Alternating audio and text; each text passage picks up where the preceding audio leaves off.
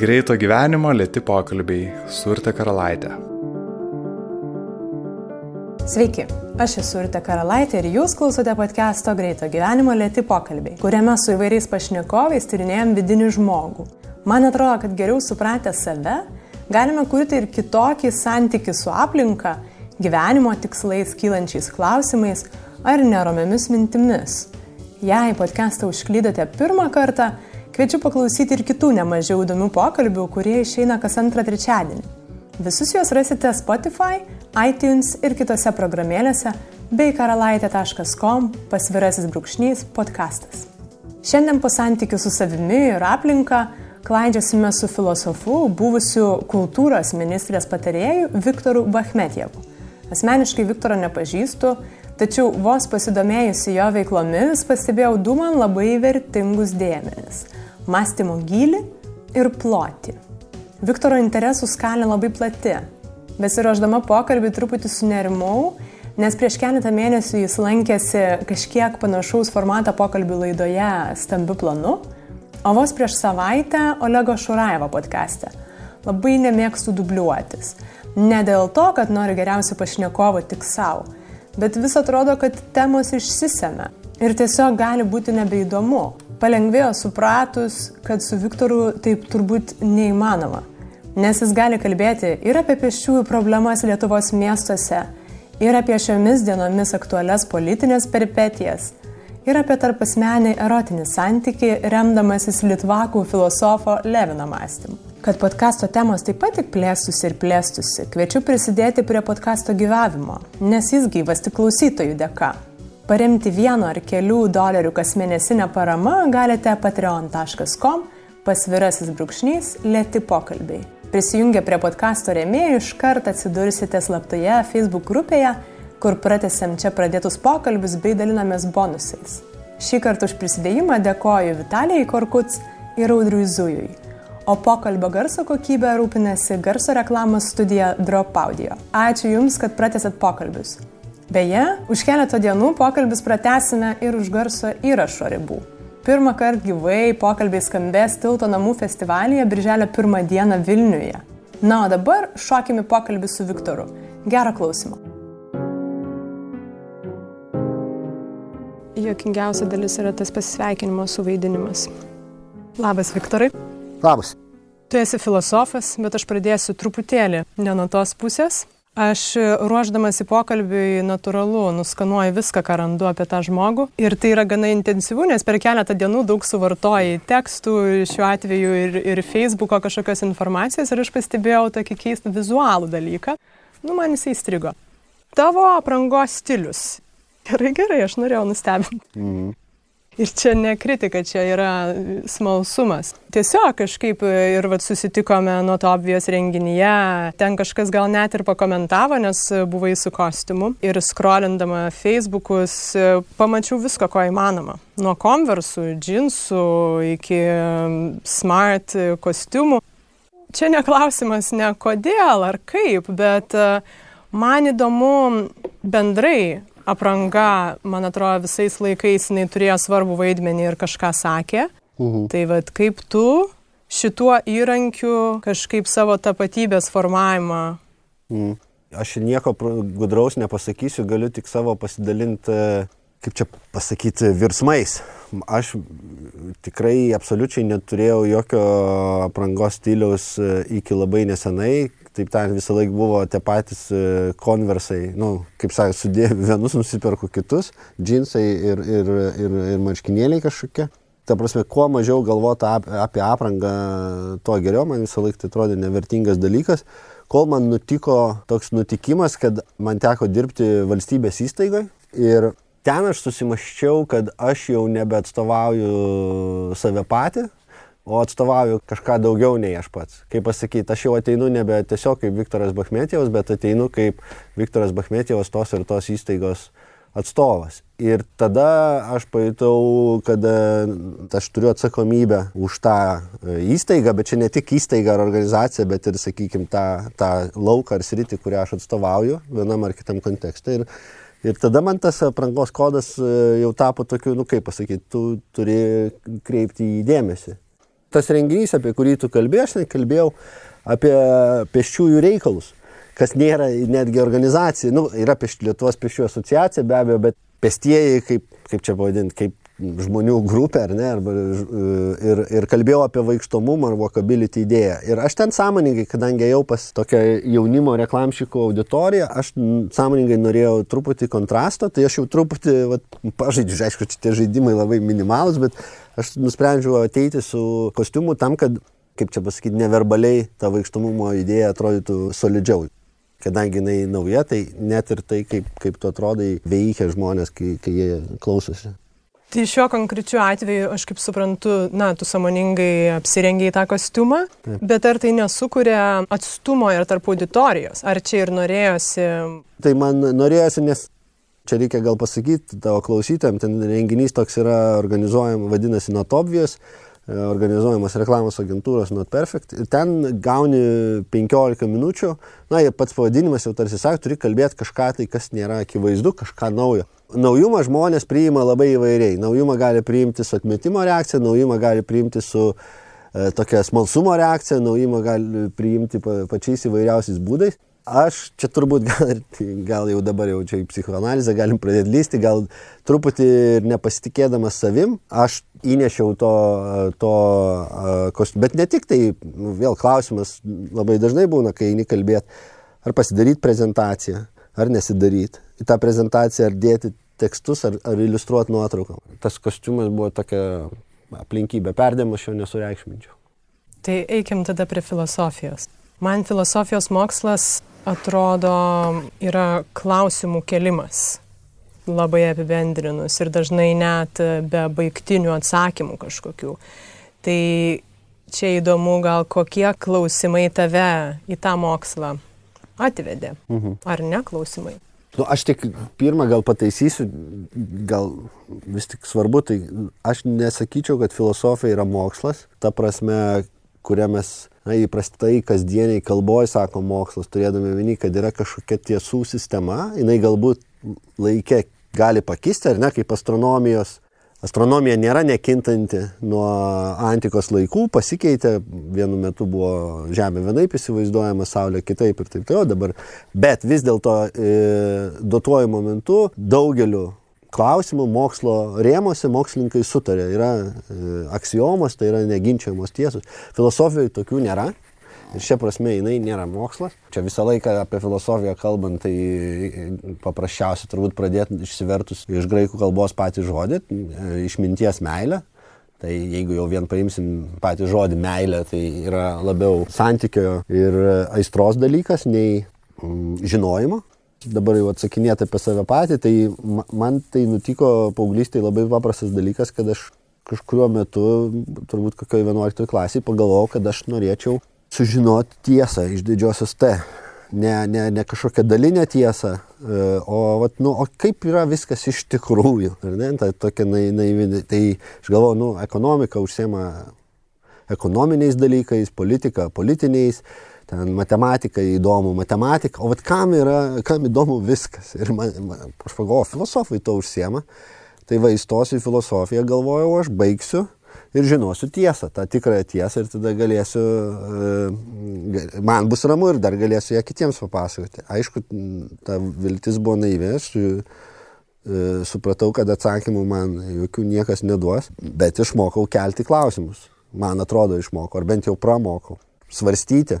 Tas man yra įdomu ir tą, to aš stengiuosi užsiimti, ar tai būtų profesiškai, kaip, kaip čia pavadinti, kaip akademinis filosofas, ar, ar tiesiog kaip uh, individas, pilietis.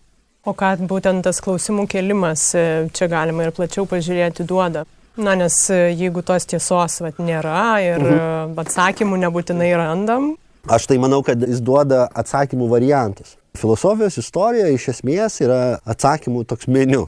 Tau nereikia iš naujo tą darbą intelektinį nudirbti. Tu gali pasižiūrėti, aha, Platonas įsivaizdavo, kad geriausia, jog valstybę valdytų filosofai. E, Ruso mane, kad tai būtų klaida. Ir aš, čia aš trumpinant sakau, nes jie turi argumentus, tu gali pasižiūrėti jų argumentus, gali juos įsivertinti, gali e, pasižiūrėti, kas Platoną kritikavo ir kokiais argumentais. Kitaip tai tau nereikia to darbo nudirbti, nu, nudirbinėti nuo nulio. Ta intelektinė istorija yra su mumis, tikri galingi filosofai, nu, stiprus jie nesenstantis yra, būtent šia prasme, kad klausimai, į kuriuos jie bando atsakyti, neatsako iki galo, bet bando atsakyti, jie yra ir mums svarbus. Ir būtent šia prasme, man atrodo, kai mes sakom, kad aš kalbuosi su, nežinau, kantu, aš kalbuosi būtent tą prasme, kaip su šiandien esančiu pašnekovu, nes jis yra relevantiškas.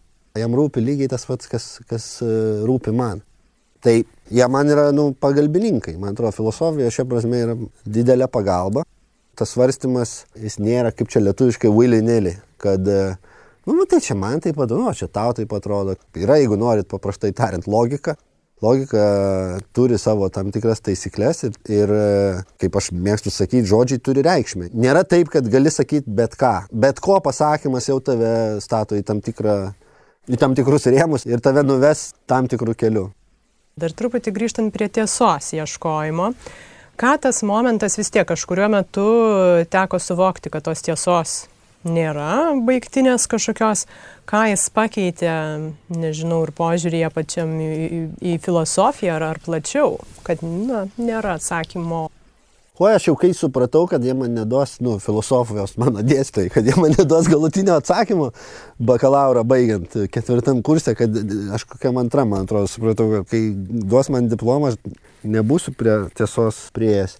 Tada jau buvo, kaip čia pasakyti, jau buvo per vėlų, nes jau tu gauni tą, nežinau, kaip, tokį, kaip virusą, tau tiesiog yra įdomu svarstyti, aš, ne, aš net, ne, net nemoku papasakot. Man iš tikrųjų didžiulę įtaką padarė, jeigu apie pačią, pačią pradžią tą filosofiją, man padarė ir tikrai reikia minėti Tomas Sodeika, jis šiuo metu dirba Vilniaus universitete, aš studijavau e, Vytauto didžiojo, jis ten dėstė ir filosofijos istorijos paskaitos tai buvo man, aš nesakau, kad tai būtų visiems, bet man tai buvo kažkas ypatingo, nes kiekvieną trečiadienį 11-15 beros prasidėdavo paskaita, 2 valandas. Aš ateidavau ir aš nežinodavau, su kokiom aš pažiūrom išeisiu. Jis taip gebėdavo, aišku, ten, nu, tose jaunuose, tuščiuose, bet derlingose, tikėkime, protose, Jis taip sugebėdavo papasakoti, nesvarbu, ten antiką mes mokėmės e, nuo Talio iki, iki, iki Platono per, per visus Parmenidus ir Zenonus ir ką tik nori. Aš išeidavau kiekvieną trečiąjį gal. Koks aš buvau visiškas kvailys, kaip aš nesupratau šito. Ir aš tą savaitę būdavau visiškai įsitikinęs, kad štai jau, jau aš dabar supratau. Jau tiesa. Jau, jau tiesa. Ir tai nu kitą trečiadienį ir viską jis sugriauna mums tą pasaulį, kurį sustatė praeitą trečiadienį ir kūrė kažkokį naują. Man tai magiškos akimirkos buvo ir dabar aišku tokio adrenalino pojūčio nebebūna, bet, bet tas e, virusas, jeigu norit e, e, bandyti apmastyti tikrovę, kurioje aš esu, man, man jis liko ir man, man, man tai yra įdomu, man nieko įdomiau nėra pasaulyje už tai. Ir būtent filosofijai tavo interesų kryptis - etikos ir religijos sankirtos, ar ne? Tai čia gal truputį į tą pusę. Man įdomu, kalbant apie mūsų aplinką, mūsų šalį, kai religija jokia turbūt nėra mūsų vertybių formavimo toks pagrindinis pagrindas, kas jas kūrė šiandien ir tą žmogaus moralę libdo? Tai sunkus labai klausimas man. E, čia ne tik Lietuvoje, matai, modernybė, filosofijai mes vadinam moderniaisiais laikais. Sakykime, daugiau mažiau mes visi sutarėm, kad ši era yra sekuliari era. Tai reiškia, joje religija nebeturi autoriteto ar galutinio autoriteto. Jis turi kažkokį tai autoritetą, bet nebeturi galutinio autoriteto.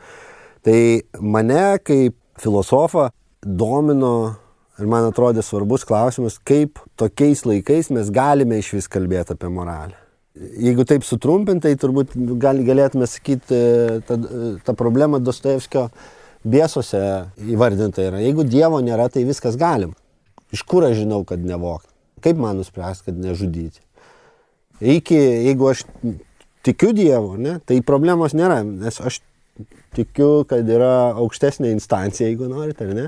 Ir jinai man štai pranešė vienokiais ar kitokiais kanalais, ar ten e, kaip degantis krūmas, ar, ar, ar ne, ne taip svarbu, bet man pranešė, kad štai toks, tokio kodekso tu laikysi. Bet jeigu man nutiko taip, kad aš nebetikiu, kad egzistuoja, tada iš kur moralė? Ir dabar vėl būt mums nusekliais ir pasakyti. Ne visos etinės teorijos turi religinės šaknis. Tarkim, utilitarizmas. Utilitarizmas yra uh, etinė pažiūra arba etinė doktrina, kuri sako, kad kiekvienoj mūsų ištikusių situacijų reikia ieškoti kuo didesnio gėrio, kuo didesniam skaičiui situacijos dalyvių. Neturi jokių religinių ištakų, ne? ne, taip reikia daryti ne dėl to, kad Dievas kažką mums numato, dėl to, kad mes visi bandom kartu pasiekti kuo daugiau.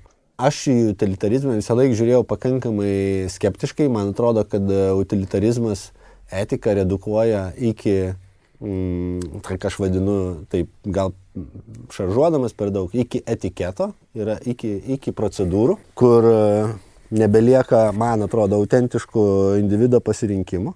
Bet aišku, kai aš tai sakau, aš tada turiu kažkaip tai pasakyti, tai gerai, nu, kokios moralės tada šaknis modernioje visuomenėje.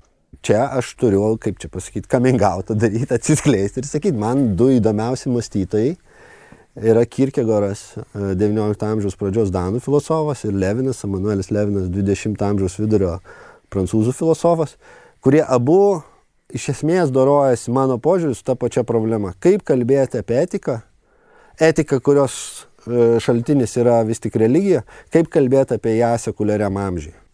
Tai aš suprantu, kad e, tu bandydamas suvokti va, šitą dalį remiesi remiesi šitais mąstytojais, bet jeigu pažiūrėjus į žmogų, bet eilinį, kuris galbūt nėra tikintis, bet šiandien pirmas sutiktas, ir jisai turbūt ne, nesikapsto ir, ir šitų mąstytojų mintise, kas ten formuoja jo tą moralę ar kažkokį rėmą.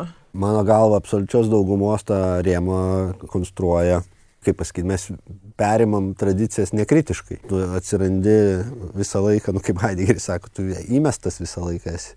Tu nekuri pasaulio nuo nulio. Niekada atsirandi tam tikroje apibrieštoje tikrovėje, kur yra socialinės normos, yra įpročiai, yra tradicijos, ar ne? Nu, kokią paimkim tą pačią vienalytę partnerystę. Juk iš esmės tai žmonės, ką bando, kurie yra prieš ką jie bando pasakyti. Nu, man tai yra neįprasta, aš taip nepratęs. Nuvalius visą, visą kitą aišku, yra dar e, teisingai, yra dar religinis, tai vad būtent, yra religinis, kuris sako, mano religija to neleidžia. Bet jeigu sakai, nu palauk, bet jo religija tai tavo, juk ne tau liepiam tuoktis, liep, nu, čia mes tiesiog suteikiam teisę tie, tuoktis, nu, net ne, neliepiamgi bažnyčiai. Sak, nu jo, šitą gerai, čia mano problemos. O šiaip, nu, bet ir mūsų kultūroje tai neįprasta. Nu, sakom, normalizuojam per tai. Tai m, absoliuti dauguma, aš manau, tiesiog, nu, kaip pasakyti, tu perimi šią prasme neautentiškai, ne nes ne, nesi permastis tiesiog. Nu. Bet kai tu kaip individas bandai, jeigu tau nutinka tokio, tokio jau likimo išdaiga, kad tu staiga susimastai, o tai palauk, kodėl? O kodėl aš taip turiu elgtis? Tada tu neišvengiamai vienaip ar kitaip prieisi prie filosofijos ir šią prasme, manau, būtų tiesiog nepragmatiška nepasinaudoti filosofų įdirbiu. Aišku, gali, yra nemažai žmonių, tiesiog savo jėgomis bando kapstytis, doroti su klausimus, ar ne, kai iškyla. Nu, mes žinom ir psichologinės tos stadijos yra, nu, ištinka paauglė krizė. Supranta jisai, kad nu, vis tik jis vienas yra šitam pasaulyje. Tie ryšiai su tėvais, kurie buvo, nu jie faini, bet vis tik iliuzija. Gal, gal, galų gale tai gimiau vienas ir numirsiu, tai vienas, nu krizė. Dabar, ką dabar su visu šitoj? Tai ką aš čia veikiu, kaip man čia darau? Pusamžio krizė. Kai staiga supranti, palauk, geriau jau nebus. Jau fizinis pikas, jau, jau, jau viskas. Dabar tik blogin, tik žemyn. Kaip su to, nu, dabar nepasinaudoti intelektualiai žmonėm ir jų įdirbį, man tai atrodo tiesiog, nu, kaip pasakyti, truputį įmir, paprastai tai būna sudėta knygose, skaitai knygas tau padedant. Tai nereiškia, kad tu turi, va čia tas svarbu, teisingai prieiti prie tų knygų. Tu neprivalai joms pritarti. Aš visą laiką studentus mokau, ir du žingsniai, kuriuos privaloma. Aišku, yra labai svarbu e, seka, negali jų sukeisti vietom. Pirmas, skaitydamas bet kokį filosofą, pirma tavo intencija - rekonstruoti maksimaliai sąžiningai, ką jis bando pasakyti. Neprikurt, bet ir nesutrivialint, nepadaryti iš jo kaliausias. Maksimaliai, kiek tik tai gali, kuo kruopščiau, žodis po žodžio, sakinys po sakinį, rekonstruoji, tai vis tik kokia ta jo vizija. vienu ar kitu klausimu. Ir kai tik tu jau padarėjai šitą, kai tu sakai, nu viską, aš, aš nebegaliu, man atrodo, kad išsameu nebegaliu. Tada antras žingsnis, kuris lygiai tiek pat privalomas kaip pirmas, paėmė ir pabandai visą tai sudaužyti šipulius. Pasižiūrėti, ar, ar yra ten kliurkų, skilių, klaidų, peršokimų. Čia jau kritinis mąstymas. Tai be abejonės, bet tai, nes jeigu tu tiesiog mintinai išmoksi, skaičiau, nežinau, Hegelį, moku mintinai, aš jums galiu cituoti žodis po žodžio, sakinys po sakinio. Nepakanka. Nyčia sako, kaip patikrinti, ar prieš tave stabas ar dievas. Pabandyti jį sudaužyti. Nes jeigu ten prieš tave tikras dievas, jis nesuduš, nieko jam nebus, tu gali daužyti kiek tik nori. Jeigu stabas, jo labai greit paaiškės. Tai lygiai taip pasiemi Dekartą. Ne tik tu jį ištikimai rekonstruoji, kaip tik tai tu paėgi, bet ir pažiūrėjai, nu gerai, gerbiamas Rene, ar tikrai tu čia taip jau gudriai surašiai? Pasižiūrim ir eini per tą rekonstrukciją ir bandai sudaužyti, suboksuotis. Bet čia iš tiesų labai sudėtinga. Na, galvojant, kad ir apie vertybės kažkokias būtų žymiai paprasčiau nuspręsti, kad tarkim man yra artimas šitas filosofas ar nežinau, dar koks nors dvasinis lyderis ar religija ar kažkas. Ir viskas. Ir, ir tom vertybėm remiantis važiuoti. O vat čia atsiranda momentas to jau kvestionavimo ir kritinio pamastymo, kai tu iš kiekvienos krypties galbūt bandai kažką rasti, va gal čia tinka, gal čia nebetinka. Čia nu daug darbo ir atsakomybė žmogui, kuris norėtų lengviau. Norėtų, kad jam vat, Levinas pasakytų, kaip, kaip toliau gyventi ir žiūrėti ir Tai jeigu jums norisi lengviau, tai, e, kaip pasakyti, nemastyti yra tikrai lengviau negu mąstyti.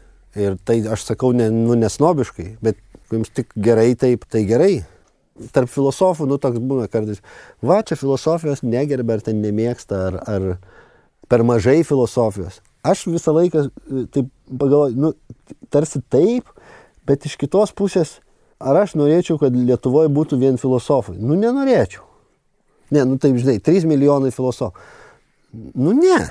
Nu, tai kodėl? Dėl daugelio priežasčių. Nu, visų pirma, dėl to, kad nu, reikia, nežinau, santechnikų, reikia statybinių, reikia Uberio vairuotojų, reikia žmonių bendruomenė priklauso nuo talentų įvairovės. Mes vienas nuo kito priklausomi, todėl kad nei vienas iš mūsų nesugeba visko. Ir filosofai yra, nu, kaip pasakyti, gyvybės rūšis. Netobuliausia. Tai yra gyvybės, nu, žmogaus tipas, įgūdžių tipas. Ir jeigu tik tai tokie lieka, nebus kitų įgūdžių. Tai jeigu dabar yra žmonių, kur, kurie gyvena savo ramiai, jiems nekyla, nu nėra problemų, viskas gerai. Nesu toks tikras, kad mes ten turėtume lysti ir... Ir, ir jo, ir, ir, ir daryti problemą. Aišku, yra viena tokia, vienas toks aspektas, kuris, man atrodo, čia vis tiek minėtinas ir svarbus.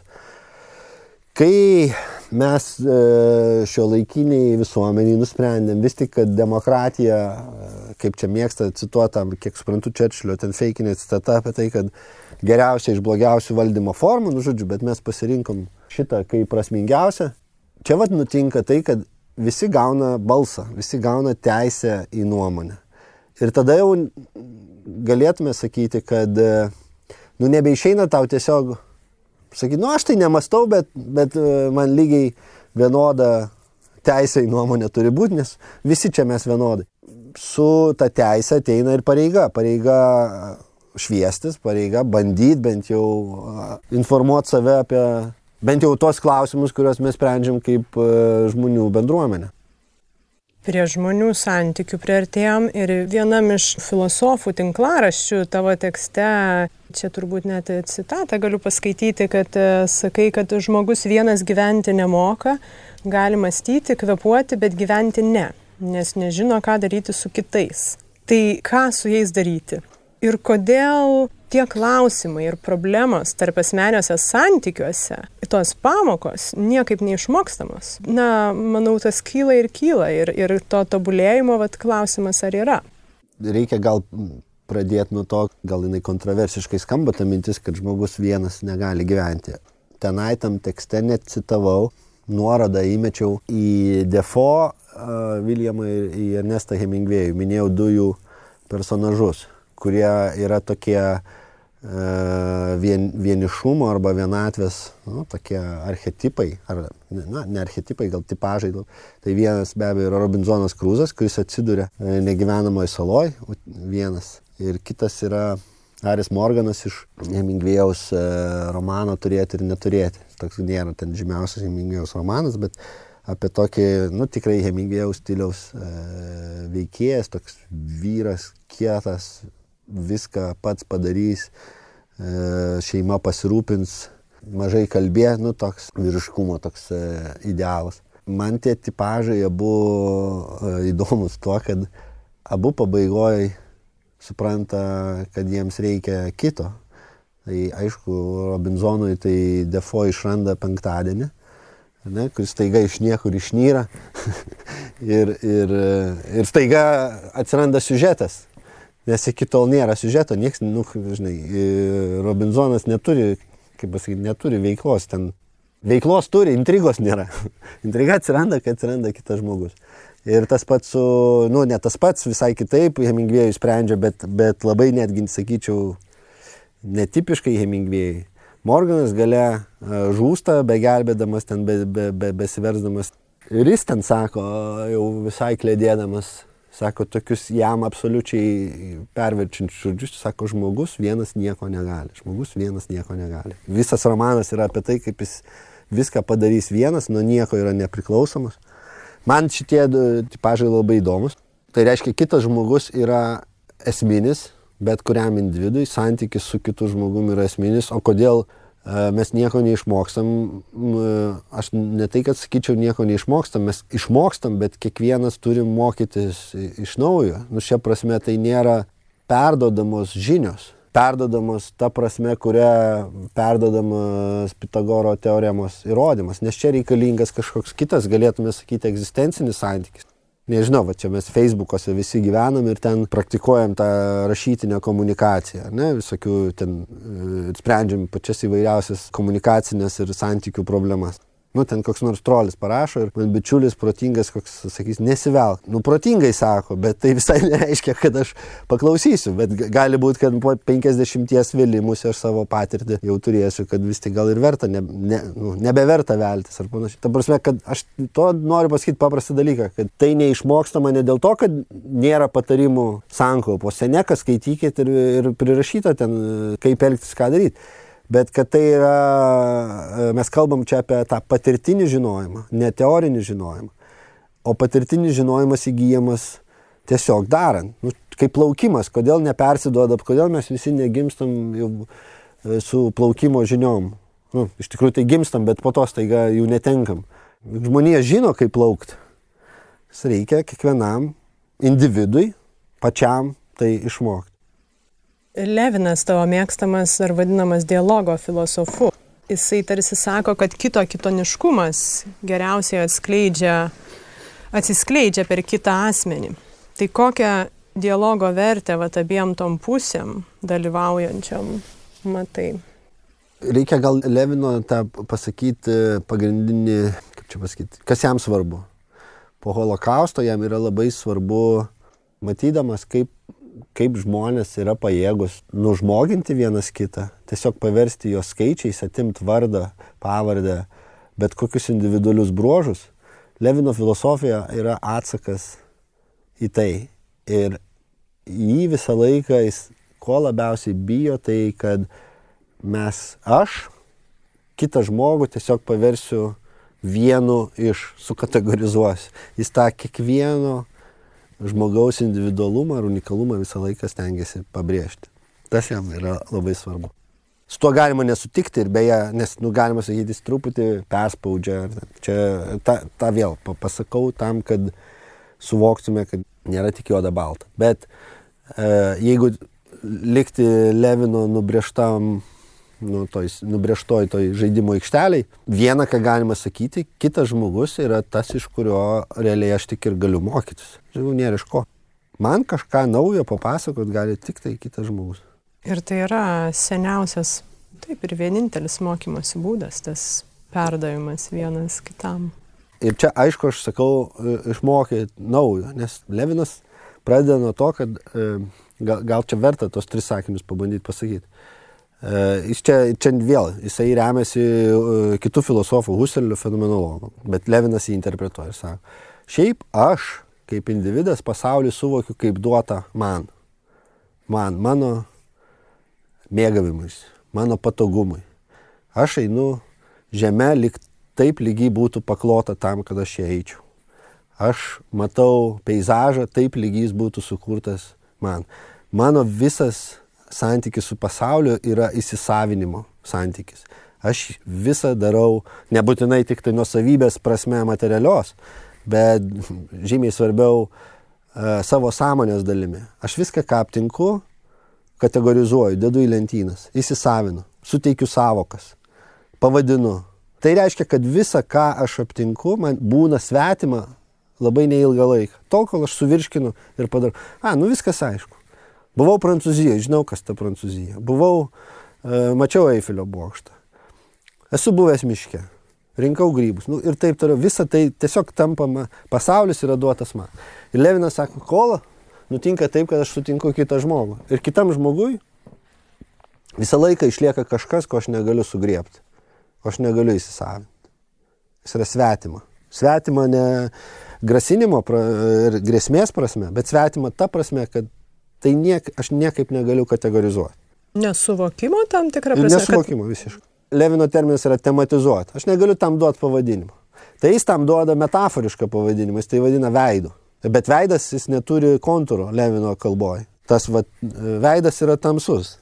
Jeigu taip labai primityvinkim ir čia vėl, citatai jau net ir foje tekstuose rastume, bet kad kitame žmoguje visuomet yra kažkas, ko aš nepajėgiu suvokti, perkasti, suvirškinti, įsisavinti.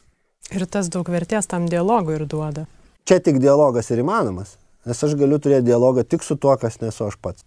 Levinas taip pat teigia, kad moralė yra prigimtinis, nekvesionuojamas žmogaus dėmuo, o tarp asmeniniam santykiais yra atsakingas už kitą žmogų. Man šitas klausimas, kurį aš tiesų uždaviau e, Eugenijui Laurinaičiui prieš keletą epizodų, kodėl žmogus yra savanaudis tuo metu.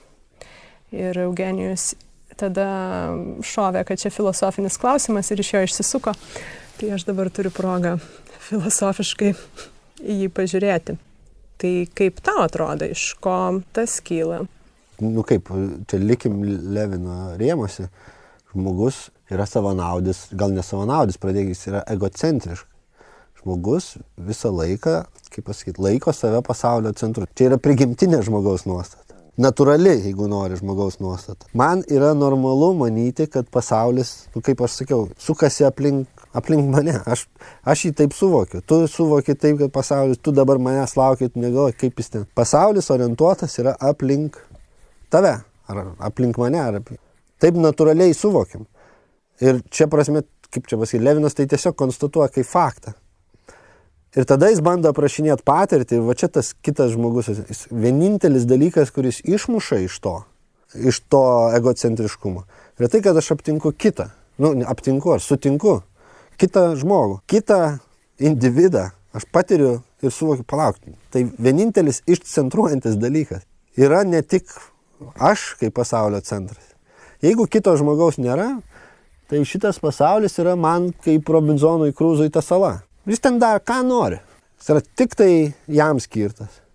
O kam daugiau? Bet jis gyventi vienas negali. Jis, jis, jis negali ir aš negaliu. Ir, ir čia vat, nutinka nu kaip čia pasakyti, atsiranda įtampa. Viena yra mano natūrali intencija tiesiog organizuotis pasaulį taip, kaip man patogu, taip, kaip, taip lyg jis būtų mano vieno. Ir šalia to tas nepaneigiamas faktas, kad priešais mane yra kitas žmogus. Ir Levinas čia toliau tęsia ir sako, tas kitas žmogus yra ne šiaip neutralus, ne šiaip tiesiog faktas dar vienos būtybės. Jis sako, metaforiškai kalbėdamas be abejo, bet sako, kad tas kitas žmogus man kalba. Dar daugiau, jis ne šiaip kalba, nepasakoja kažkokią paskaitą, jis vien savo buvimu prieš mane, jisai kalba liepiamąją nuosaką, jis man liepia. Ir tas liepimas yra reikalavimas kažko iš manęs. Jis man liepia prisimti už jį atsakomybę. Bet čia įdomus momentas, nes man čia tarsi susipriešina, ar ne? Jeigu Taip. žmogus yra tas centras pasaulio, bet jis yra atsakingas už kitą, tai ar čia nuolatinė kova ir vyksta, nes tai tarsi nekvestionuojama, na, Levino požiūriu, ar ne, abu šitie. Taip yra įtampa. E, Aš neskau, kad neturėtų būti problemiška, aš tik bandau, žinai, už ką, kurioj vietoj e, atrodo kaip problema. Nes tai, kad pats žmogus yra prieštaringa būtybė, man atrodo, čia Levinas tai nieko naujo nesako. Visa krikščioniška doktrina paremta tuo, kad žmogus yra viduje įtampoje. Nu, jinai pasireiškia to, kad žmogus yra nuodėmingas, ar ne? Yra siekis gėrio ir yra faktas, kad žmogus daro blogą, ne? Yra įtampa. Analogija nėra visiškai tiesioginė, bet man atrodo, kad pats tas konstatavimas, jog viena vertus aš patiriu pasaulį, kuriame nėra kito žmogaus, kaip tą, kuris absoliučiai sukonstruotas man. Levinas sako, skirtas mėgavimui. Mėgavimui, aišku, plačiaja prasme. Ir tada man nutinka e, faktas, nepaneigiamas faktas, kad aš sutinku kitą asmenį, kitą žmogų, kuris išmuša šitą, sutrauko šitą va tokį fainą e, man skirtą pasaulį. Jis nebe, nebėra toks, nu, fainas ir patogus. Nes reikia, va, priešais mane stovi kitas, kuris iš manęs kažko reikalauja. Dabar klausimas, ką aš su visu šituo darysiu. Ir dažnai ir Levinui priekaišta. Tai palauk, tai tu čia prisimti atsakomybę, bet kodėl žmonės neprisėma? Ar ne visada prisėma. Tai kaip mes paaiškinsim tą faktą, kad mes ne visi moralus. Ir man atrodo, čia nu, ne tik Levinui galima tą klausimą užduoti, bet atsakymasgi labai aiškus. Moralė yra apie laisvą valią.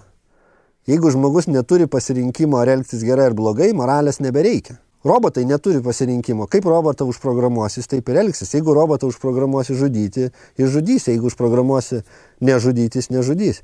Ir dėl to šią prasme robotai nėra moral, moralus, moral agents, kaip sako angliškai, moralės veikėjai.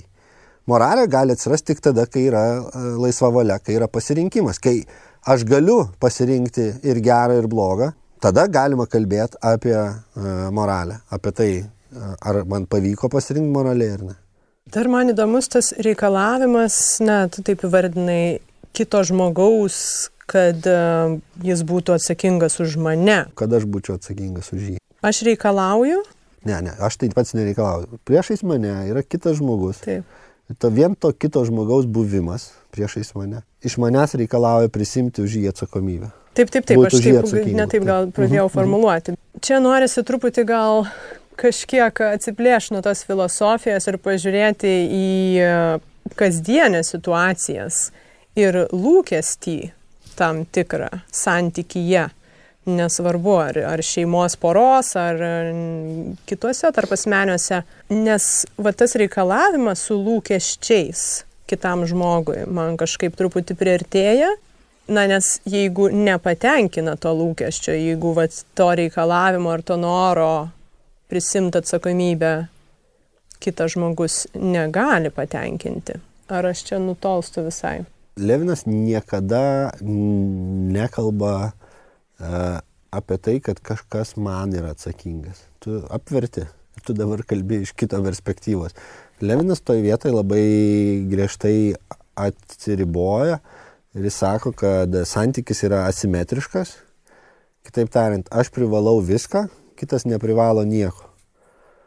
Dėl to kitas man jokių mano lūkesčių nuvilti negali. Supratau. Čia galima nesutikti, žinai, tai ne tik, kad galima, bet yra labai nemažai jo uh, interpretuotojų, kurie sako, nu čia dabar. Uh, bet Levinui tas sa santykio simetriškumas yra labai svarbu. Jis, man atrodo, turi omeny apie tai rašydamas taip in the background, kaip čia kažkur pašaliai.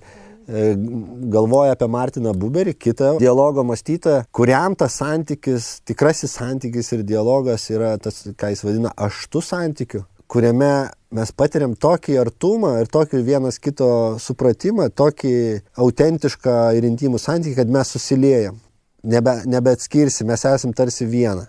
Ir Levinas šito negali pakęsti. Jis bijo, jis labai nori išsaugoti kito autonomiškumą. Ir, ne, ir jam netaip ir svarbu, ar, ar tas kitas bus ištirpdamas masėje kitų, kas ten nutinka, sakykime, holokausto metu, kai e, ten nacijai ar žydus, ar romus, ar, ar, ar homoseksualus tiesiog nuosmenina ir paverčia juos. E, ar kad aš ištirpstu su kitu kažkokioj naujoj, naujoj būty. Jis, jam tai netinka, jis nori išsaugoti individuo autonomiją, tiek savo, tiek kito. Ir todėl čia nėra jokio mes niekada netapsim to pačiu.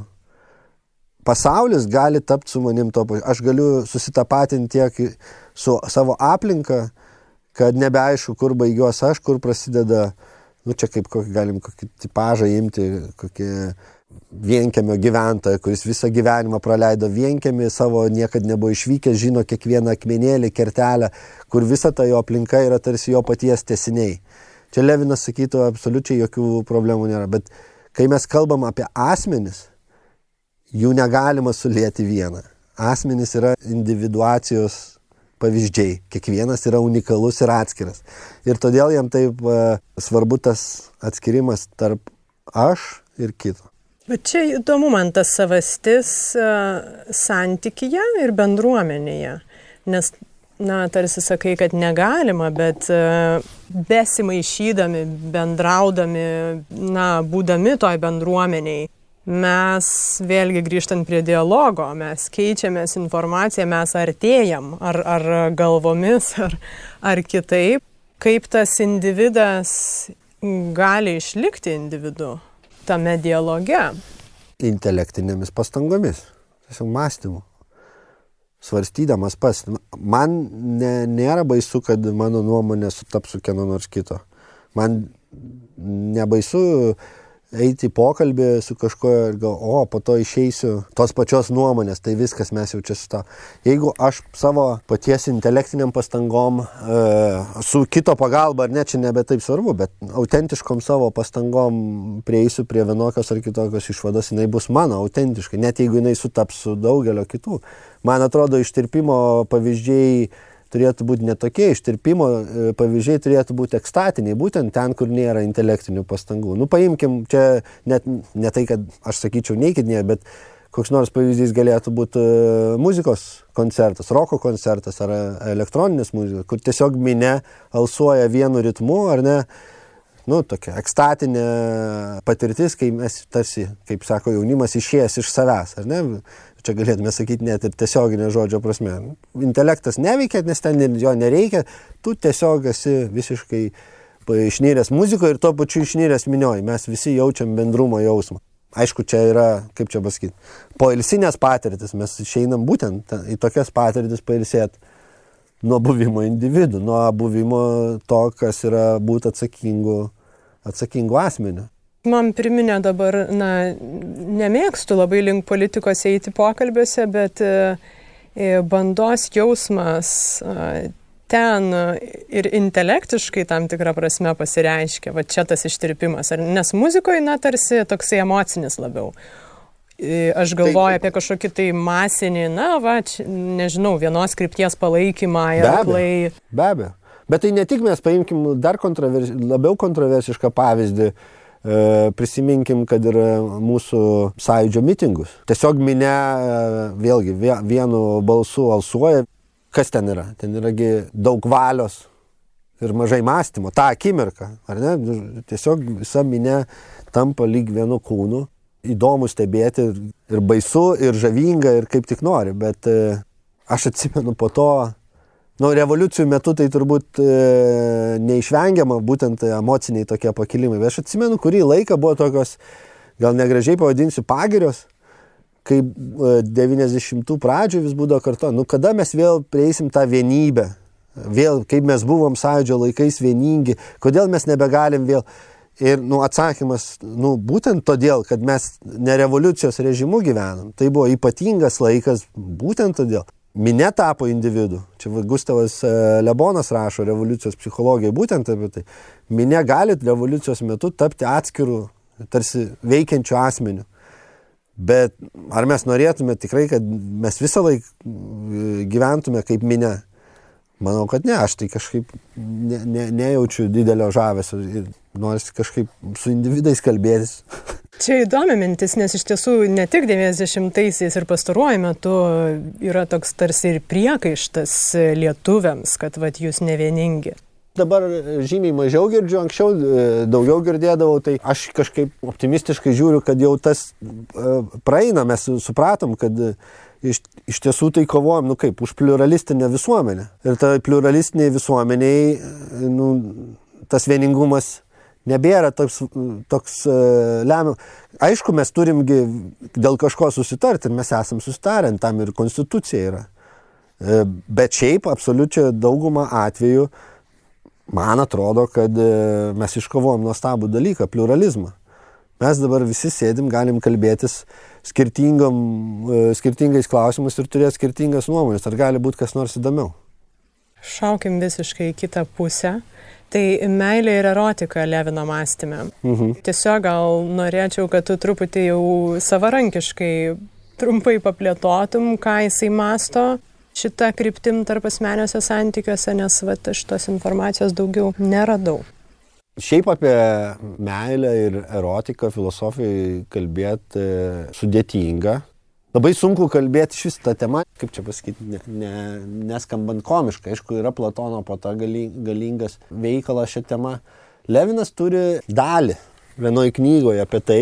Daug nesiplečiant, ką galima pasakyti, jisai realiai kalba apie tris registrus. Du, apie du mes jau užsiminėm. Apie tris registrus uh, santykio. Vienas yra registras, tai yra tai, ką mes nu, pavadinkim į objektinių santykių. Tai yra santykis su daiktais, su aplinka, su pasauliu, su nesmenim. Ne, ir tai yra mėgavimosi santykis. Tada yra antras santykis, tai yra santykis su asmeniu, su kitu asmeniu. Ir tai yra etinis santykis, atsakomybės santykis. Bet tada jisai dar pradeda labai įdomiai rašyti apie tą e, trečią santykį. Ir tai yra santykis su kitu, kuris nėra etinis santykis. Jis yra erotinis santykis, sako, jis yra už veido. Ne santykis su veidu, bet dar kažkokia yra gilesnė plotmė kitame žmoguje, kuri sugeneruoja kitokį santyki, e, tarsi pjaunantis kersai etinio santykio. Tai yra meilės arba erotinis santykis. Aš ten nenoriu e, pasakoti, ten aišku labai tankus ir, ir, ir klampus tekstas, E, dar mano galva laukia e, tyriejų ir skaitytojų darbo, bet kelis dalykus galima pasakyti. Levinas šią prasme yra pakankamai konservatyvus, jis, jis sako, kad erotinio santykio tikroji kulminacija yra vaikas, kitaip tariant, jis vaisingume mato erotinio santykio prasme, kas, sakyčiau, šiais laikais turbūt skamba, na, nu, konservatyviai, taip pavadinkime. Ne? Jam priekaištaujama taip pat yra dėl to, kad jis tą santykį aprašinėja iš vyriškos perspektyvos, kitaip tariant, kitas erotiniam santykiai pas jį yra tai, ką jis vadina moteriška arba moteriškumas. Tai ta pati Simone de Beauvoir iš karto kritikavo ir sakė, nu čia yra absoliučiai netinkama. Aš manau, kad e, galima jį e, bent šiek tiek apginti ir pasakyti, kad na, jis rašo kaip fenomenologas, kitaip tariant, aprašinėja savo patirtį ir jis kitokios patirties nei vyriškos neturi, šia prasme nu, jis negali išlipti iš savo o, odos, tai tą jo patirtį galima pildyti e, moterišką perspektyvą, nemanau, kad jis čia labai prieštrautų. Kas man truputį e, e, blogiau atrodo, ir, nu, netruputį, iš tikrųjų, žymiai labiau blogai atrodo, kai jis kalba apie, ne apie vaiką, o apie sūnų. Kitaip tariant, jam netgi vaisingumo kulminacija yra ne tai, kad šiaip gimsta vaikas, bet kad sunus turi gimti. Tas, ir čia aš jau nebežinau, kaip tą metaforą, taip, kaip čia jį išgelbėti ir pasakyti. Nu, jis iš tikrųjų turi omeny e, šiaip vaiką kaip tokį. Bet pats tekstas yra tikrai labai labai gražus, poetiškas, labai gražiai parašytas, su, kaip pas jį visą laiką, su krūva nuorodų ir slaptų ir atvirų. Lietuviškai jo dar dėja nėra. Teks skaityti originalo kalba arba vertimais į kitas kalbas. Tam ir perpasakoji dalis. Man čia įdomu tada, kuo tau netiko jo mintis apie sūnų būtent. Apie sūnų man netinka todėl, kad e, tai o ką dukrom daryti. Nu, nes viena yra pasakyti, žiūrėk, nu, yra, tarkim, mes čia krikščioniškoje šalyje gyvenam, tai, kaip pasakyti, girdėta mintis, kad e, lytinis santykis turėtų būti tuo atveju, jeigu yra siekiama susilaukti e, palikonių. Kitaip tariant, vaisingumas yra lytinio santykio prasme. Levinas tą kartoja, jisai beje yra labai religingas e, judėjas ir šią prasme nei kiek to neslepia, tai čia, kaip pasakyti, aš galiu taip nemanyti, bet sakykim, aš atpažįstu ištakas. Bet kai jis rašo ne šiaip vaikas, o rašo sunus, man tada toks, nu, kaip pasakyti, aš ten norėčiau daugiau e, turinio, nes šiaip tai tai skamba kaip tokia, nu, seksizmas, sakytume, šiais laikais. Tai man ir įdomu, va. Taip, taip. Tai man toj vietoj tas atrodo tokia e, lepsusas toks, e, nu kaip, tiesiog stovint ant kreivų kojų, tas tai tikrai. O dabar kalbant apie patį vaisingumą, tai irgi man norėtųsi argumentų. Ir tie argumentai, kodėl, ar ne, aš, man, aš tai nieko prieš tokią poziciją svarstyti. Pačias įvairiausias pozicijas galima svarstyti, filosofija to ir e, žavi, bet visą laiką įdomu, tai kuo tu paremi, kokie tie argumentai, kiek jų yra, kaip tu juos e, artikuliuoji, iš kur tu juos trauki. Ir pas jį e, panašu, aišku, tai apipinta filosofinė kalba ir filosofinių žargonų, bet vis tik tai ateina iš jo religijos. Kas gerbtina, bet filosofiškai nėra labai stipru. Nu, tiesiog pasakyti, nes aš mano e, religiniai tradicijoje taip yra priimta. Gal užteks pasakyti, kad yra ten už ko kabintis, ir, bet ten reikia dar daug darbo nudirbti. Bet ten gražu yra ne tai. O kas ten yra gražu, yra e, įvairios e, lytinio akto analizės. Pavyzdžiui, glamonės analizė. Glamonės kaip reiškinio, kaip fenomeno. Man patinka ir jo filosofinė drąsa lysti tokius dalykus, kur atrodytų, uh, Viena vertus kasdienybės, kita vertus tokia, nu, labai lengvai tarsi gali apsijuokti, bet jis tikrai labai gražiai, poetiškai, bet ir filosofiškai giliai aprašinėja, kas yra glamonė. Aprašinėja troškimą, kuris kaip tik 20 amžiaus vidury troškimo analizės, aišku, psichoanalizai yra seksualinio troškimo yra daug. Levinas mano galvo pateikė pakankamai originalią interpretaciją, kuri su Lakanu labai vaisingam pokalbį galėtų būti. Žodžiu, ten yra va, daug visokių tokių aspektų gilių, bet jeigu žiūrėti pačią esmę, tai jinai gali tiesiog atstumti ir, ir sakai, nu, senas konservatyvus žmogus rašo apie tai, kad jaunimas neturėtų mylėtis tarpusavyje, jei dar, žinai, jei dar neplanuoja turėti vaikų, ar ne? Truputį palėtėjai seksizmą. Kaip tu matai dabar vis tiek tos bangos, nežinau, rimsta, nerimsta, lyčių vaidmenų santyki visuomeniai pažiūrėti. Ir užaštrinta tokį, vat, tą pasakyti, kad sūnų atrodo jau, jau iš karto tu nusidedi, kad jau taip negali sakyti, negali vien krypčiai žiūrėti į tai. Filosofijoje gali, bet e, filosofijoje klausimas į laiką, kodėl tu taip sakai, kaip tu argumentuoji ir jeigu nerandi argumentai, tiesiog tai yra tavo kaip filosofo silpnumas. Filosofijoje vis tiek, nu, tai yra kaip pasakyti, disciplina. O visuomeniai man visą laiką yra nu, kaip baisu kalbėti, e, ne ta prasme, kad aš bijau e, kažko prisišnekėti, bet ne man sakyti, kokios yra problemos, man, nes, na, nu, aišku, nu, gerai, aš galiu pasakyti tą, ką aš kartais nugirstu, čia kažkur Facebook'ose užmatau, kai, kad e, kažkokių tokių pasakymų, kad vargšai vyrai kenčia, jau čia juos spaudžia. Šia prasme aš galiu pasisakyti, nes aš kadangi vienas iš jų, tai niekas manęs neskriaudžia ir, nu tai ir man tai tiesiog kažkokie klėdesiai. Aš kitaip nemoku įvardinti. O dabar, kai mes kalbam apie moterų diskriminaciją, tai man visą laiką atrodo, kad tikrai yra ko labiau paklausti nei manęs. Ne dėl to, kad aš bijau, ką nors tą temą sakyti, bet pradžiai teikim ir tų pačių moterų klausimų. Ir tikrai e, nu, nuo jų, taip sakant, reikia pradėti apie tas subjektyves patirtis. Tai tikrai ne man pasakoto priešingai moterim, o jeigu apie objektyvius dalykus, tai jeigu mes vis dar matom, kad duomenys rodo, kad moteris Lietuvoje už tos pačius, už tą patį darbą, tas pačias pareigas uždirba tiesiog mažesnės algas, tai yra nu, problema.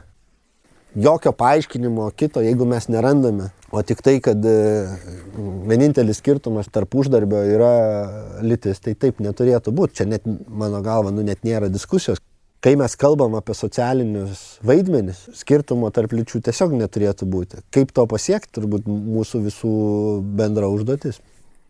Čia natūraliai prie to prieėm, kažkaip neketinu apie tai kalbėti. Dar žmogus bendruomeniai. Vienas pagrindinių poreikių bendruomeniai žmogui yra jaustis reikalingu. Kaip tam tikras nereikalingumo jausmas gali veikti ir pačią bendruomenę. Nereikalingumo tai turbūt ir plačiai, ir, ir profesinę, ir uh, asmeninę, ar tarp asmeninio santykio prasme labai labai gerą temą palėtėjai. Mane visą laiką gazdina, net negazdina, sukrečia, pas mus visiškai ramių veidų žmonės su, ir subrendę, išsilavinę suaugę, visiškai ramiai sako, turi išmirti sovietinė karta. Ir aš taip galvoju, mano mama yra sovietinė karta. Ką aš dabar turiu jai sakyti, mama, žinok, tu čia mums trukdai pasiekti šviesų rytojų. Kaip iš vis gali tu tiesiog užsirašyti, reiškia, gabalą visuomenės ir sakyti, žinokit, jūs čia mums kliūtis į ateitį. Jūs tikrai nu, sus, susijimkite, nes mes va, šiaip gerai gyventume, bet va, čia va, jūs esat. Ir tai sako žmonės, nu kaip pasakyti, jeigu ten, žinai, kažkur pakampiuose, patvariuose, bet pas mus politikai ramiais veidais tai sako.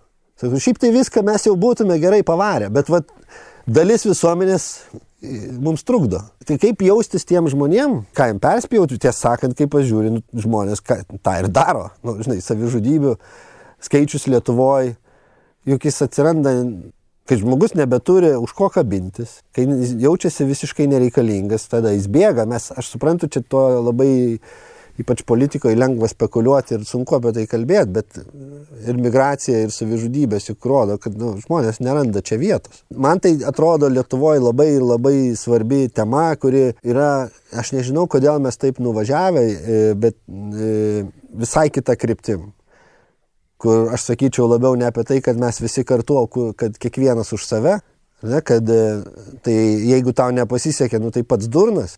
Aš nežinau, kodėl taip nutiko, kodėl įsivyravo tas, kodėl mes šiaip visi labai skeptiškai bet kokias kolektyvizmo formą žiūrim. Man atrodo tai svarbu. Ir beje, aš vieną tokį e, gal kvailą pavyzdį papasakosiu. Bet kažkada, mm, kadaise, ne kažkada, o kadaise, reikia teisingai sakyti, e, Minneapolio oro uoste atskridau ten į stažuotę tokią, išlipu iš lėktuvo, einu per tą oro uostą, nėra jis ten didelis, bet einu, einu ir staiga kažkokia išsišakojimas, man reikia susiorientuoti, kur toliau eiti. Kažkokie yra ženklai, bet aš nelabai. Ir stovi senukas su lemenė užrašyta Ask Me ant jo. Tam jis čia ir stovi. Aš prieinu jo, paklausiu. Senukui tikrai nemažiau 90. Jis ten matosi, kad jis bet kurią akimirką gali ir to, ten ir sugriūti. Tikrai labai labai e, toks leisgyvis, bet labai malonus. Jis pats nelabai gaudės tam oro uoste, bet bendrom pajėgais turėjo planą Ir mes bendrom pastangom e, radom kelią. Ir aš po to pagalvoju, nu, jis viena vertus tai man padėjo, bet kita vertus, kokį jis turi didelį džiaugsmą, jis vis dar reikalingas yra.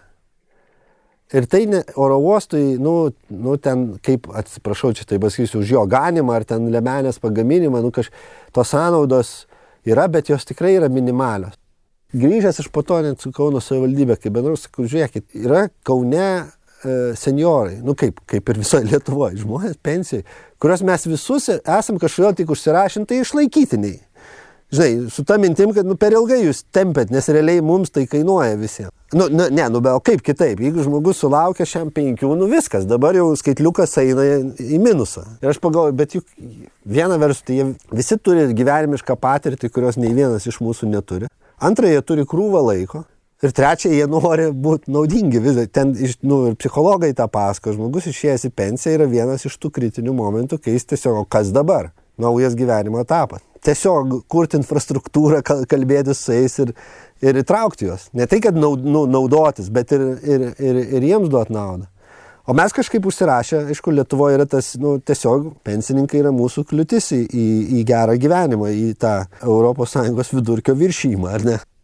Bet man tas reikalingumas iš tiesų vat įdomu, kad uh, aš visiškai ne iš tos pusės žiūrėčiau. Mhm. Ir čia man um, iš karto klausimas, kas tą reikalingumo jausmą sukuria. Ar ta išorė, kuri vat, tau duoda tą liemenę ir tą darbą, kažkokią veiklą, ar tu pats? Nes tarkim, aš dažnai susimastau, stebėdama, nežinau, ar, ar tai valytojus, ar kažkokių paprastų darbų uh, vykdytojus, galvodama, vat, kaip jie įsivardina savo prasme, savo reikalingumą, susimažina tą, vėlgi čia galvojant apie ir dabartinės e, jauno žmogaus ambicijas, kur jeigu tu nesi ten, tai tu vat nesi nieko vertas. Man iš tos pusės dar įdomu, kad tu pats dar turi tą kažkaip prasme ir reikalingumą patvirtinti tam tikrą prasme. Man atrodo, kad tiesiog e, mes visi perdėm skirtingi nu, kaip pasakyti, yra žmonės, kuriems e, reikia daugiau socialinės interakcijos, kitiems mažiau. Vėl mes visi turim skirtingus e, tos socialinius ryšius, socialinius tinklus, tampresnius, mažiau tamprius. Esam skirtingai savo tų socialinių ryšių dinamikoje, mažėja jų, daugėja, aš nežinau, pakinta gyvenimas, persikraušiau į naują miestą, išėjau iš kalėjimo, baigiau reabilitaciją, ne, ne, baigiau universitetą, nu, nutinka, grįžau iš emigracijos. Tai yra skirtingi poreikiai, skirtingom akimirkom ir skirtingi temperamentai, bet man atrodo, čia patie, pats tas socialinis kontraktas mūsų klausimas yra, ar mes visi kartu čia, visi vienoj valti ir, ir, ir bandom plaukti kartu, ar čia yra toks, vat, nu, žinai, nepasisekė, tai nepasisekė. Bet gimė tas mano vaikelis toks, nu, matėsi iš karto, kad bus jam blogai, nu, tai žinai. Tai man tai tas ir tą užduoda, uh, juk to irgi į konstituciją tarsi neįrašysi, nes tai yra tokie minkšti dalykai, bet tai yra tai, ką mes uh, transliuojam viešoje erdvėje, ką mūsų politikai išneka, ką žada rinkimuose, kas atrodo jiems prioritetas gali būti, kad aš analizuoju klaidingai, bet man atrodo, kad Lietuvoje iki labai nesenai, ypač kai grįžti iš užsienio, labai jaučiasi, kad Lietuvoje dominuoja pats durnas. Kad jeigu tu kažko negauni, kad, tai tu pats durnas. Nes viską reikia išsikovoti. Viską reikia išsikovoti. Aš esu rašęs apie kaip važiuoji iš, iš, iš Vilniaus į Palangą autobusu ir tualetas užrakintas nors jis turi būti atrakintas. Ir tu vairuotojai sakai, gal atrakinsi tualetą, nes nu, aš su vaiku važiuoju ir aš tabas iš pats tai galiu kentėti kito kryškalnio. Ir jis sako, negalima atrakinti. Aš sakau, kodėl? Nesako, užterš gamtą. Aš sakau, bet jūs meluojat. Sako, aš nemeluoju. Aš sakau, nu jūsų pavardė, tada jis išsigasta, nes aš jį paskui, nu žodžiu, aš nesu pats durnas, tai aš išsikovoju, bet nes aš žinau taisyklės. Bet tu tada ir tavo nuostata yra, kad tu eini į gatvę, eini, taip sakant, į miestą ir visur tu pasiruošęs kovot, ar apgaus, ar nusvers. Ar vis tik čia mes visi esam kartu ir bandom vienas kitą kilstelt ir, ir nesakyti, kad jo, žinokit, viskas čia blogai, nu tokie tie žmonės.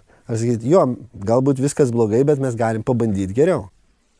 Čia turbūt kompleksinis dalykas yra žiūrint į dabartinį tokį konkurencingumo skatinimą ir individualizmo to paties, kas kaip vertybės keliamos. Tai, tai tada natūralu, aš jeigu kovoju tik už save, tai nu, aš jau nebegaliu čia kitų vilkt paskui. Ne, tai taip, tai matai, jeigu mes pasaulį nu, ir visuomenę su, suvokiam kaip konkurentų susirinkimo vietą, ar ne, nu, net nesusirinkimo veikimo vietą, tai aišku, kad tada aš į tave žiūriu ne kaip į bendrą keleivę, o kaip į tą, kuris man gali užimti mano vietą pasaulio. Čia yra laukinių vakarų mentalitetas. Ten nėra taisyklių, ten kiekvienas už save, ten sąjungininkai yra laikini.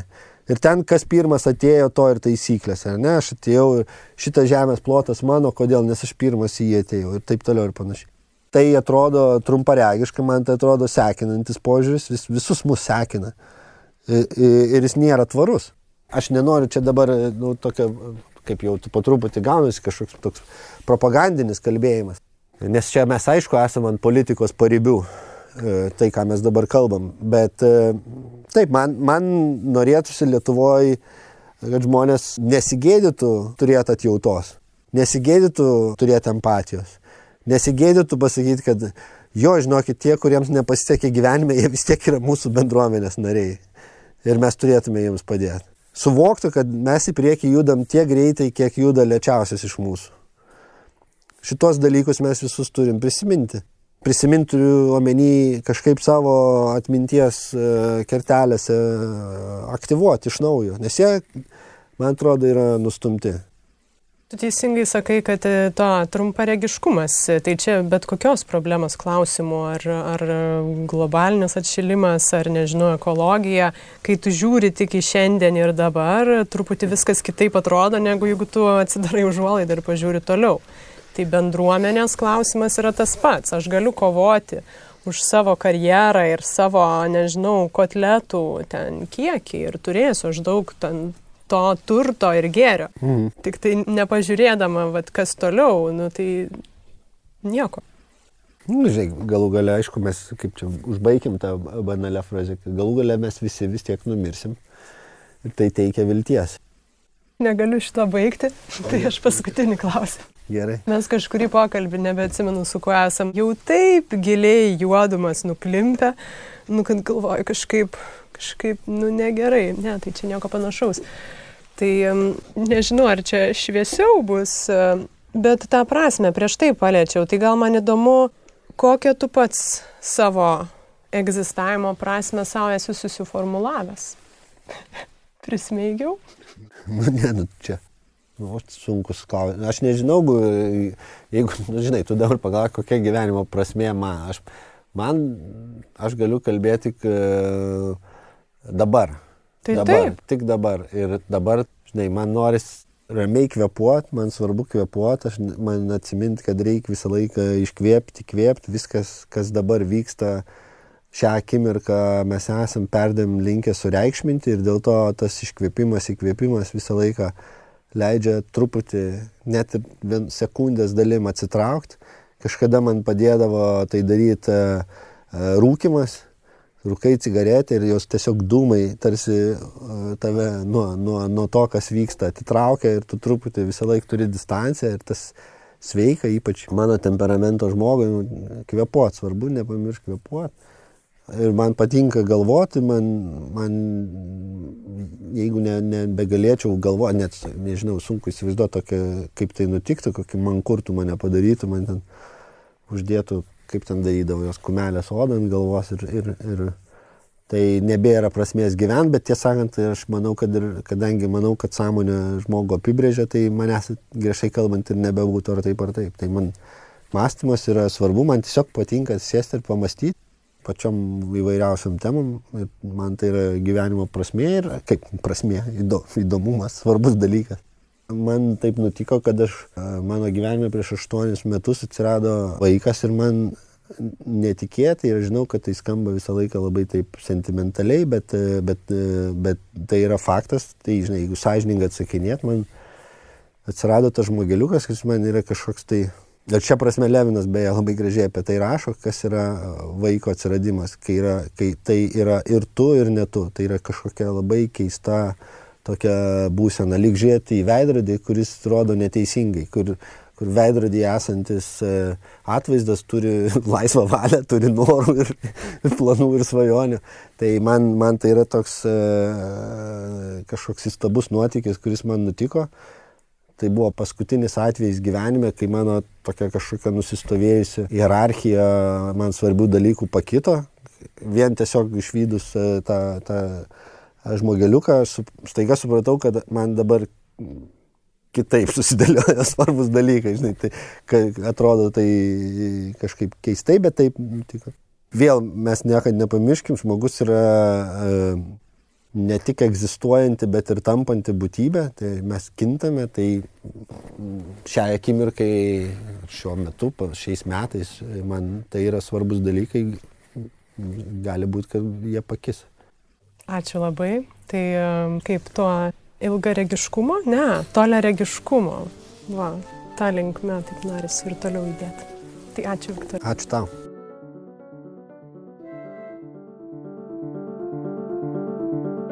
Ačiū, kad klausėtės. Man labiausiai įstrigo Viktoro mintis apie dialogo vertę. Atrodo, kad tai būtent ir įvardyja podcast'o tikslą ir prasme. Nes kaip Viktoras sako, mokytis galim tik vieni iš kitų, O čia, klausydamėsi vieni kitų patirčių ir minčių, galime rasti ieškomus atsakymus ar bent naudingas užuominas. Kas kart, kai sudreba kojos ir pradedu kvestionuoti šitų pokalbių tikslą, turėsiu gerą primintuką, kam visą tai darau. Jei norite prisidėti prie podkasto tikslų stiprinimo, paremkite jį simbolinę sumą patreon.com pasvirasis brūkšnys lėti pokalbiai. Nepamirškim stiprinti dialogų ir žiūrėti plačiau.